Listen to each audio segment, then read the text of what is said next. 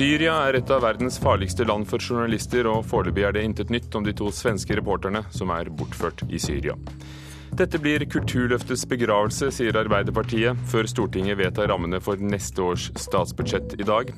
Og vinneren av Statoil-stipendet for klassisk musikk på 1 million kroner er en 19 år gammel fiolinist fra Valdres. Guro Kleven Hagen kommer til Kulturnytt. Her i Nyhetsmorgen i NRK med Ugo Fermariello i studio. Det er altså fortsatt uklart hvem som bortførte de to svenske journalistene Niklas Hammerstrøm og Magnus Falkhed i Syria. De ble tatt lørdag nær grensen til Libanon da de var på vei ut av landet. Ifølge svenske medium er de to journalistene som ble bortførte i Syria i helga, Magnus Falkehed og Niklas Hammerstrøm. De er begge frilansere for ei rekke av de største avisene i Sverige. De skal ha blitt bortførte på vei ut av det krigsherja landet i nærleiken av grensa til Libanon. Forsvinninga ble meldt fra om da de ikke tok kontakt med en oppdragsgiver på avtalt tidspunkt. De skal ikke ha hatt kontakt med noen i heimlandet siden fredag. Til avisa Aftonbladet sier det svenske utenriksdepartementet at de fikk melding om bortføringa søndag, og at det skjedde lørdag. Utover at de jobber med saka, vil de ikke utdype mer. Det er ikke klart hvem som førte bort de to, men Ekspressen skriver at journalistene sin hjelper i Syria ble skadd under bortføringa, ifølge hans samboer, og at de to ble tatt for spionasje. De skal ikke ha hatt visum for oppholdet. Fortalte reporter Maria Pile Svåsand. Jonathan Lundqvist, leder for den svenske avdelingen av organisasjonen Reportere uten grenser. I begynnelsen av måneden la dere frem en rapport der Syria ble betegnet som verdens farligste land for journalister å arbeide i. Hvordan er det å arbeide i Syria? Ja, jag skulle faktiskt säga rakt ut att Syrien är ett helvete för journalister. Det är extremt svårt att verka, helt enkelt därför att konflikten är så enormt eh, komplicerad och har så många stridande parter. Alltså, du har olika eh, fraktioner av rebellgrupper som inbördes strider med varandra och där du som journalist då inte bara är i fara för så att säga motparten utan även eh, andra grupper vid sidan om dig. For paradokset er jo at det er nettopp eh, disse opprørsgruppene som journalister lener seg til idet de skal inn i Syria og, og dekke konflikten. Eh, og, og, hvordan vite hvem som kan være farlig og hvem som ikke kan være det? Det der er, det der er supersvårt og man er helt utlämnad som journalist då, til å lita på, på den fiksere eller de personer som man, som man använder som referenser. Um, og der finns det naturligtvis, der vet vi at det finnes grupper, rebellgrupper som er så att säga bättre och andra som är sämre och, eh, i, i, i så att säga, en, en säkerhetssynpunkt. Det är naturligtvis någonting som vi hoppas att, att journalister ska vara medvetna om när de tar kontakter vid gränsen. Eh, men det är precis som du säger, man måste vara, men det finns inget sätt att ta sig in i Syrien idag om man inte gör det eh, antingen med hjälp av en rebellgrupp eller eh, av regimen. 120 000 mennesker er døde i borgerkrigen i Syria. Millioner er på flukt, og en rapport som kom i går fastslår at det foregår systematisk voldtekt av kvinner. Over 7000 skal være voldtatt, ifølge BBC i dag. Ligger det ikke i krigens vesen at det er både usikkert og farlig å være til stede? Naturligtvis gjør det det. Men det ligger også, om man ser historisk, i krigets eh, väsen att det brukar vara så att journalister har en liten särskild roll därför att alla sidor utav utav konflikten vet att det här be behöver bevakas. Världen behöver veta. Och, eh, det här är någonting som är ganska, ett ganska nytt fenomen, att vi ser att journalister utsätts för de här enorma hoten som, eh, som de gör i, i Syrien idag. Eh, och man ska komma ihåg att det har förändrats bara under de senaste månaderna i Syrien också. För ett år sedan var situationen en helt annan. Eh, och nu så har man då sett en, en, en upptrappning och där man nästan skulle kunna säga då att det finns en, en öppen jakt på journalister. Och, och det är naturligtvis, ska alltid, man ska alltid komma ihåg alla offer i alla krig men eh, man kan också tänka på at visse er der også i en yrkesroll og gjør et, et, et, et arbeid og bør respekteres for det. Takk skal du ha, Jonathan Lundqvist, leder av svenske avdelingen av Reporter uten grenser.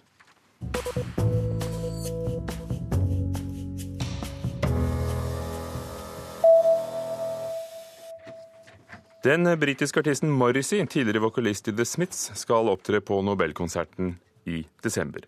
Morrissey er kjent eh, som frittalende og kontroversiell vegetarianer som tar sterke ord i bruk til forsvar for dyrs rettigheter.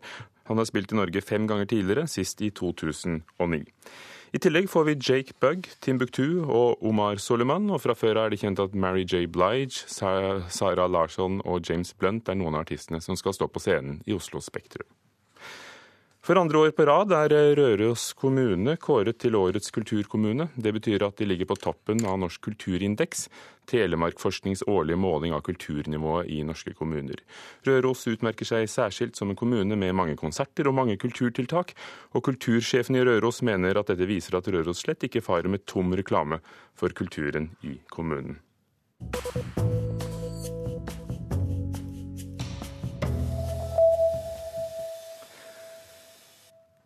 Guro Kleven Hagen er tildelt Statoil-stipend innen klassisk musikk. Hun har noe sterkt og poetisk over spillet sitt, sier juryleder Leif Ove Ansnes.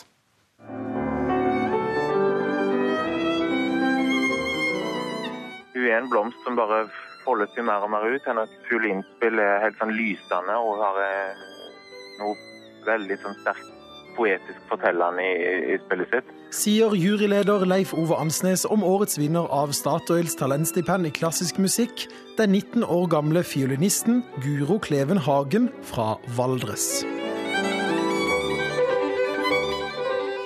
Ansnes, som selv var den første vinneren av stipendet i 1990, tror en anerkjennelse som dette er viktig for Kleven Hagen på dette tidspunktet i karrieren. Jeg husker sjøl akkurat den alderen der. Det, da er man kanskje litt sånn i et tomrom. Man, I mitt tilfelle, og som i Guros tilfelle, så begynner man å få en karriere, man begynner å få jobber. Uh, men alt er nytt. Man må finne sitt liv, sin måte å gjøre ting på. Og, da er det veldig viktig med en sånn anerkjennelse som, uh, som dette stipendiet er. Ansnes trekker fram vinnerens naturlige og trygge autoritet på scenen. Her i et opptak fra NRK solistkonkurranse Virtuos i 2010, der Guro, som da var 15 år gammel, vant prisen for Årets virtuos.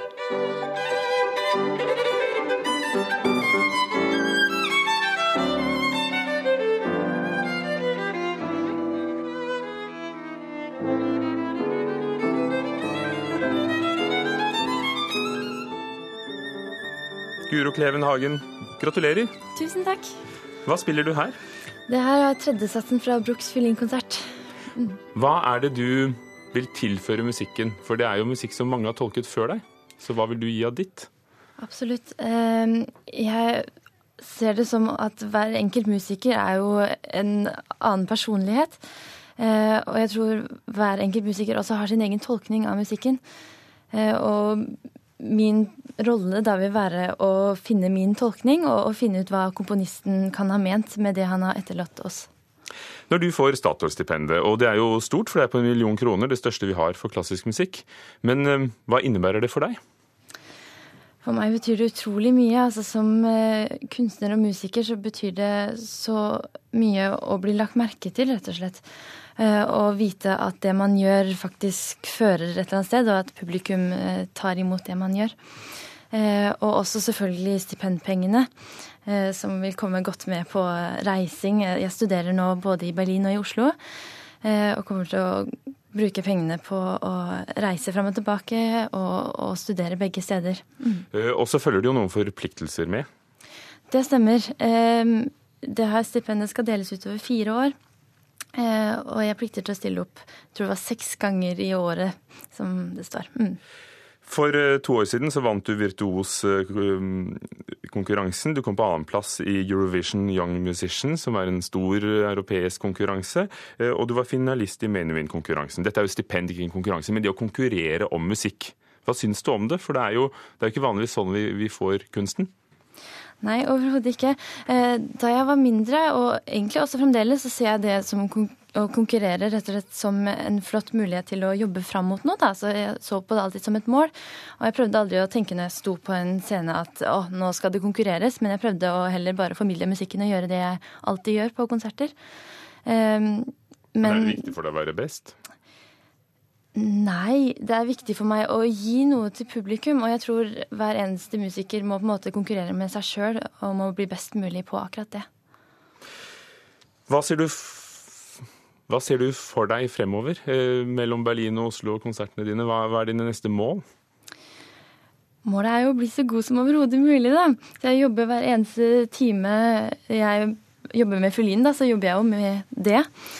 Um, ellers så har jeg jo konserter fremover uh, i kalenderen min som jeg jobber fram mot, og som jeg vil gjøre så bra som overhodet mulig. Og hvilken musikk liker du best? All musikk som jeg spiller. Takk skal du ha, Guro Kleven Hagen, som altså får eh, årets Statoil-stipend for klassisk musikk. Tusen takk. Klokken nærmer seg kvart over åtte. Den er 14 minutter over åtte nå. Du hører på Nyhetsmorgen i NRK. Overskriften i dag. Norske syriakrigere er tilbake i Norge. Risikabelt hvis de går med traumer uten å bli fanget opp, mener politiet. Nordmenn har ikke vært mer pessimistiske til norsk økonomi siden finanskrisen, viser ny undersøkelse. I Bangkok har demonstranter omringet tre nye departementer i morgentimene for å lamme landets regjering.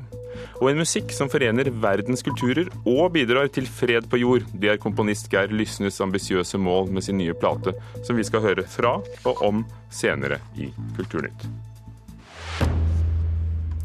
I dag er det tid for finansdebatten på Stortinget, der rammene for statsbudsjettet for neste år vedtas. Det borgerlige flertallet er blitt enige om et kulturbudsjett på 660 millioner kroner, 6,8% mer enn det regjeringen Stoltenberg fikk vedtatt for årets budsjett. Likevel kaller du dette kulturløftets begravelse, kulturpolitisk talsperson i Arbeiderpartiet, Rigmor Aasrud. Hvordan kan det være det? Ja, Vi hadde et mål om at vi skulle nå 1 av, kult, av statsbudsjettet til kultur. Eh, det målet hadde vi satt oss at vi skulle nå i løpet av 2014. I det budsjettforslaget vi la fram, så gjorde vi det. Og nå er det sånn at den nye regjeringa kutter i kulturbevilgningene for 2014 sett i forhold til det budsjettet vi la fram. Og de nevner ikke ordet kulturløftet med et eneste ord. Så vi må bare betrakte dette her som at man har lagt vekk kulturløftet, som var viktig for kulturlivet, viktig for å heve statusen for kulturområdet, og, og for å sørge for at kunstnere fikk bedre arbeidsvilkår. Nå var jo Kulturløftet et rød-grønt slagord og en rød-grønn politikk, eh, og selv om denne regjeringen ikke bruker det ordet, eh, så kan det jo være andre andre, eh, andre deler som faktisk får et løft. Men hvilke deler av kulturlivet mener du vil merke kulturpolitikken negativt? Ja, det som jeg syns er mest ille med det de gjør nå, det er å kutte ut den kulturskoletimen som skulle gi alle unger muligheten til å lære litt om kulturuttrykk. Vi vet at det er veldig stor forskjell på hvem som bruker kultur.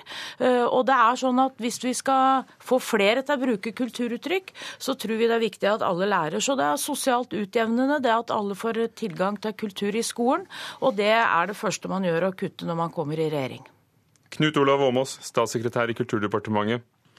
Har dere gravlagt Kulturløftet? Jeg skjønner at Rigmor Aasrud er skuffa over at vi ikke vil bruke den samme retorikken som de rød-grønne og fokusere på 1 eh, %-målet og, og, bruke ordet kulturløftet. Vi har lagt fram det mest ambisiøse kulturbudsjettet noensinne, og som du refererte til, det har en økning på 660 millioner kroner bare på den rene kulturdelen. Vi får til eh, økning på, på litt av hvert. Eh, og, og, og skal realisere veldig mye god kultur så eh, men, men, har dere et mål om 1 av kulturbudsjettet, eller er det forlatt? Var det den forrige regjeringens mål? Det var den forrige regjeringens mål. Vi skal gi kulturlivet og kulturpolitikken en ny retning og et nytt innhold. Nå har vi snart sluttet å snakke om, bare om infrastruktur og om budsjettstørrelser. Eh, vi kunne lett eh, sette sammen eh, en, en budsjettpakke som inneholdt både 1 og vel så det, hvis vi gjorde som de rød-grønne og, og, tok ting som ligner på kultur fra andre departementets budsjetter, slik de rød-grønne har gjort. Men nå må vi komme over denne tallmagien og konsentrere oss om innhold og kvalitet. Og, og, og, begynne å diskutere den kulturen som når fram til folk. Kulturløftet til de rød-grønne har hatt eh, tvilsomme virkninger på mange områder. Det er knapt eh, forska på hva det fører til av publikumsøkning og andre ting. Og nå, nå må vi faktisk komme, komme, dit at vi ser på innholdet i, i kultursatsingene. Tvilsomme skal du få spesifisere etterpå, Rigmor Aasrud. Ja, Det er jo ikke riktig at vi ikke har eh, evaluert Kulturløftet. Det er lagt fram en egen NOU, Enger-utvalget, som sier noe om hva som er bra og hva som ikke er bra i Kulturløftet. Og Sjølsagt så er det behov for å gjøre endringer, men det er jo frekt når Amos sier at de har lagt fram den største økninga på noe kulturbudsjett, når man legger fram en kvart milliard mindre enn det vi la fram bare noen uker før. Med 6,8% mer enn i år? Ja, det er det. Og, men man når altså ikke det målet. Og vi la fram et kulturbudsjett med 840 millioner kroner mer. Så det var iallfall mer ambisiøst. Og man kutter rundt 200 millioner kroner på kulturbudsjettet uh, i, i, etter at man har forhandlet med Kristelig Folkeparti og Venstre. Og det er jo ganske oppsiktsvekkende at statssekretæren bare noen dager før han ble statssekretær, sa at, eh, at, eh, det ville være krevende om den borgerlige regjeringa reverserte 1 eh, %-målet, og sa at det ville være uheldig og et unødvendig signal i en liten og beskjeden sektor med stor samfunnsbetydning. Det har man endret på bare da på noen dager. Åmås, kutter dere, eller kutter dere ikke? Det er tallmagien vi vil bort fra. Vi har minst like høye ambisjoner som de rød-grønne. Vi kunne som sagt finne ting som har med kultur å gjøre på mange andre departementers budsjetter. Sju-åtte departementer utenom kultur var inne i Kulturløftet til de rød-grønne. Eh, nå, nå, nå, må vi ikke begynne med, med dette, denne rene regnestykketriksingen. Men du nevnte at Kulturløftet, som var den forrige regjeringens politikk, hadde tvilsomme effekter. Hvilke effekter er det du sikter til da? Eh, på en del områder kan vi ikke se at kulturen når flere i det hele tatt. Og det er også veldig vanskelig å dokumentere noen kvalitetsøkning. Så vi vil bort fra den voldsomme satsinga på stadig økt volum og økte budsjetter på alle områder. Vi vil prioritere, omprioritere, spisse. Men hva men er da deres mål?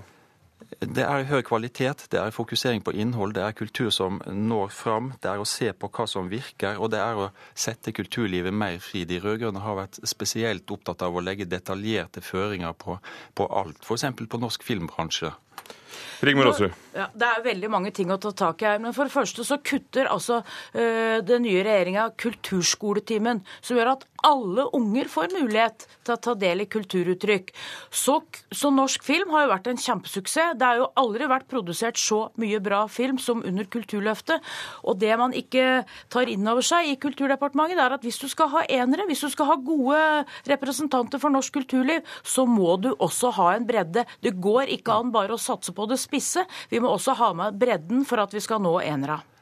Helt enig i det, men det er ikke nødvendig å lage akkurat 25 filmer for å få fram god norsk film. Det går an å lage én eller to færre. Det er mulig i kulturlivet nå å spisse og prioritere, velge. Det gjør man på alle andre samfunnsområder. Og, og vi er så heldige, i motsetning til resten av Europa, som kutter i offentlige kulturbudsjetter. Her legger vi fram tidenes største kulturbudsjett. Det er en fantastisk situasjon. Og jeg syns vi skal heve oss over den partipolitiske kjeklingen som Rigmor Aasrud legger opp til. Og jeg vet at Rigmor Aasrud ønsker replikk, men vi, vi, hever oss over det nå og sier takk. For i dag vedtas altså rammene for neste års budsjett i Stortinget. Rigmor Aasrud fra Arbeiderpartiet, Knut Olav Åmås, statssekretær i Kulturdepartementet. Utover 70-tallet ble Hålogaland teater kjent for å være et spesielt politisk teater, og for under ett år siden overtok Nina Wester som teatersjef i Tromsø. Etter flere år med store og kjente satsinger som Le Miserable og Hamsun-stykker, er retningen nå tilbake mot politisk teater. Til og med Jeppe ble politisert av Wester. Her har dere meg, direktør Jeppe Berg, egen høyrenorske person.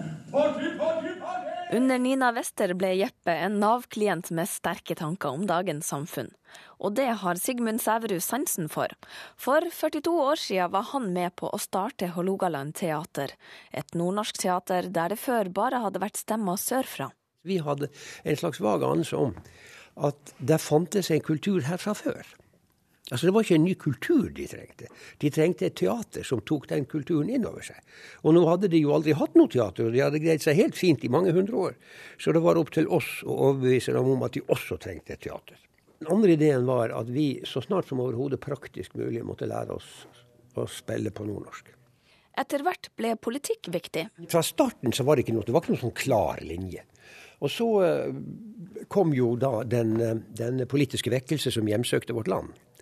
Og noen av, av, de ansatte, ikke mange, men noen av de ansatte ble AKP-ere. Åpent og ærlig og sånn. Og da ble jo alle det. Etter ei stund ble AKP-politikk lagt til sida. De siste årene har Hålogaland teater hatt et litt lettere repertoar, med populære skuespill og musikaler som Et juleeventyr på repertoaret. Kom, Ebenezer, det er mye mer å se. Jeg vil helst ikke se mer. Kom! Da Nina Wester starta som teatersjef i januar, hadde hun en uttalt politisk visjon. Hun har sluppet til samtidsforfattere med skarpe penner, og politikk har farga kjente stykker som Pippi Langstrømpe og Jeppe på Bjergen. Nå må dere to pinadø skjerpe dere! Se, hella, hella, hella. Sett i gang! Jeg opplever at det er en landsdel som er veldig endring akkurat nå. Um, og det krever jo noe av oss som kunstnere også, å på en måte kikke ut på det og ta det inn i repertoartenkinga og hvordan vi jobber i forhold til publikum osv. Og, så og tematikker.